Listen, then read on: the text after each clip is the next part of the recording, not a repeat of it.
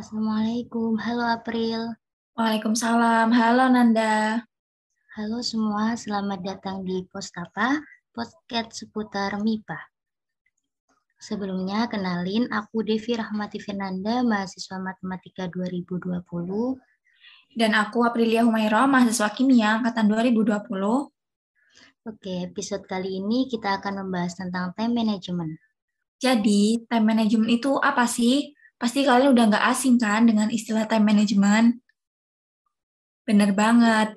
Jadi, time management itu adalah pengelolaan waktu berdasarkan rangkaian kegiatan yang telah direncanakan dan harus dikontrol prosesnya agar maksimal. Waktu sendiri menjadi salah satu sumber daya yang tidak bisa direproduksi dan tidak dapat diambil alih.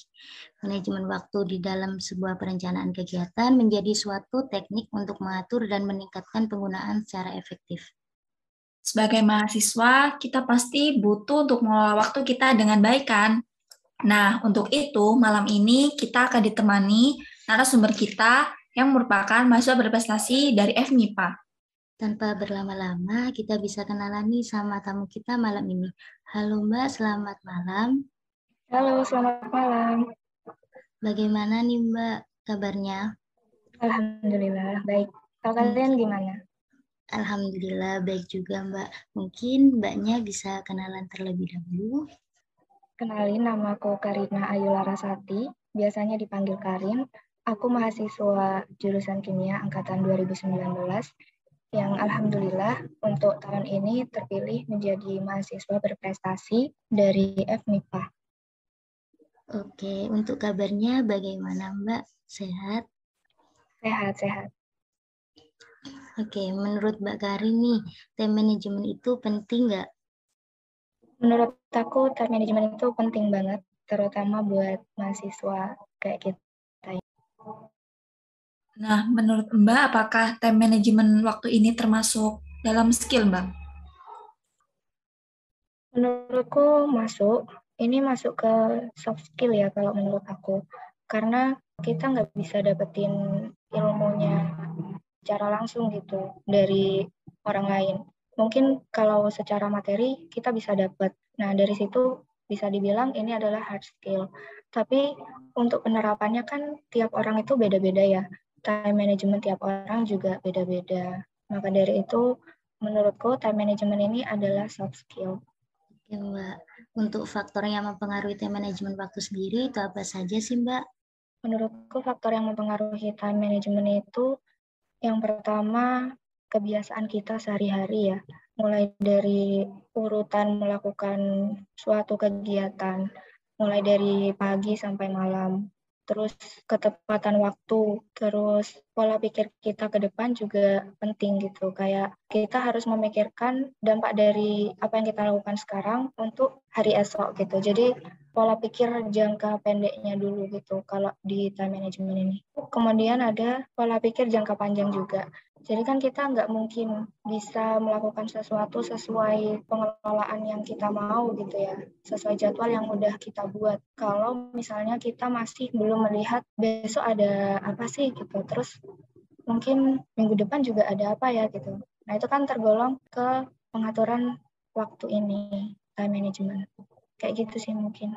Oke Mbak, kalau menurut Mbak itu apa sih pengaruh buruk yang bisa kita peroleh atau yang ditimbulkan gitu saat kita tidak mampu untuk memanajemen waktu kita dengan baik, Mbak? Oke, kalau ini aku mungkin jawab dari segi dari sudut pandang mahasiswa ya, karena kita kan sama-sama mahasiswa di sini. Dan ini juga sesuai sama pengalamanku. Uh, menurutku itu kalau kita kurang bisa mengatur waktu ya, yang pertama pasti keteteran. Maksudnya ya kita bingung gitu mau menyelesaikan yang mana dulu. Padahal kalau mahasiswa kan tugas nggak pernah tuh datang satu-satu, langsung banyak dan deadline-nya mepet. Jadi yang pertama itu keteteran. Kalau yang kedua bisa jadi kita punya beban pikiran yang berat gitu. Karena ketika kita melakukan sesuatu tanpa ada rencana gitu ya, tanpa ada target juga, itu pasti akan bingung. Aku harus selesaikan ini kapan dan aku mau bawa hasilnya ini ke mana gitu apa yang aku mau dari sini gitu. Jadi istilahnya kayak lontang lantung gitu karena kita nggak punya target dan juga nggak punya waktu waktu yang spesifik gitu kapan kita harus menyelesaikan itu. Jadi menurutku dua hal tadi yang pertama keteteran dan yang kedua itu bisa jadi beban pikiran yang berat buat kita. Oke, biasanya nih Mbak Karin gimana sih cara mengatasi kendala yang dialami saat manajemen waktu itu? Oke, uh, kalau aku mungkin lebih ke ambil jeda. Jadi ketika udah mulai kerasa berat, terus keteteran, sulit buat melakukan sesuatu, itu aku berhenti dulu. Jadi ambil waktu sesuai yang aku mau. Bukan sekadar hitungan menit gitu ya, bukan jeda menitan atau hitungan jam, tapi itu terserah, terserah aku gitu. Bisa mungkin satu hari gitu atau sampai pikiranku ini udah mulai tenang dan udah bisa pikir jernih lagi baru aku lanjut. Tapi di situ aku nggak langsung lanjut aku tata ulang. Jadi pengaturan waktu yang kemarin yang aku rasa itu masih kurang pas aku atur ulang sesuai tempoku gitu. Jadi nggak kecepatan juga nggak terlalu lambat. Jadi aku bisa jalan santai tapi semuanya selesai kayak gitu sih. Oke Mbak, kalau berdasarkan pengalaman Mbak gitu selama menjadi mahasiswa sampai sekarang bisa dibilang semester akhir ya Mbak, itu mungkin Mbak mau memberikan tips-tips untuk manajemen waktu kita dengan baik gitu Mbak selama menjadi mahasiswa. Oke, okay, ada sebenarnya beberapa, tapi mungkin aku sebutin yang paling inti aja ya. Intinya time management itu nggak bisa dilihat dari satu sudut pandang aja. Jadi misalnya kalian berpatokan sama cara seseorang mengatur waktunya gitu ya. Nah itu belum tentu time management mereka cocok sama cara kalian gitu. Jadi kalian harus bisa membuat pola sendiri. Kalau kalian tipe orang yang harus bisa selesai banyak hal dalam satu waktu, ya berarti kalian harus membuat uh, jadwal yang lebih terstruktur. Mungkin bisa satu hari itu jadwalnya padat, tapi seenggaknya semua itu disesuaikan dengan tempo kalian, sesuai kemampuan kalian gitu. Jadi jangan ikut-ikutan time management orang lain gitu. Kalau misalnya ada orang yang mampu berjalan cepat, ya udah biarin aja gitu. Jangan gopoh, udah tenang aja. Selama target kalian masih tercapai, ya udah ikutin cara kalian biar nggak tertekan juga. Oke Mbak, bagus jawabannya. Misalkan nih ya Mbak, Mbak sudah manajemen waktu dengan baik dan runtut, tetapi beberapa waktu tidak memenuhi target manajemen yang sudah Mbak buat. Langkah apa yang biasa diambil Mbak? Kalau ini mungkin aku kembalikan ke jawaban yang tadi ya. Kalau aku ambil jeda gitu. Jadi kalau udah nggak sesuai sama tempo dan kemampuanku di saat itu, ya aku harus buat ulang, bikin time management yang baru gitu sih.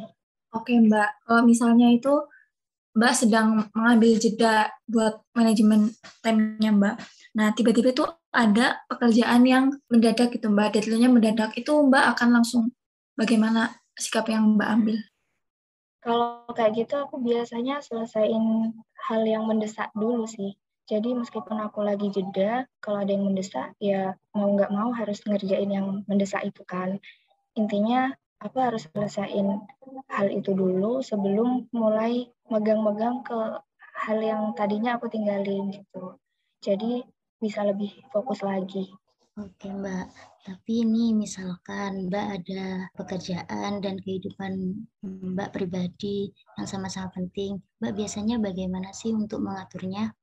Kalau aku gini ya, sebenarnya aku itu memiliki dua prioritas gitu. Jadi prioritas yang pertama itu kehidupan pribadiku dulu. Soalnya ini kan berkaitan sama banyak faktor ya, terutama uh, keluarga mungkin seperti itu. Dan kalau yang kedua ini baru aku uh, memprioritaskan tentang pendidikanku. Jadi semisal ada dua hal ini terjadi di saat yang bersamaan gitu ya, terus aku bingung harus pilih yang mana gitu, harus selesaiin yang mana. Aku biasanya ambil yang berkaitan dengan kehidupan pribadiku dulu.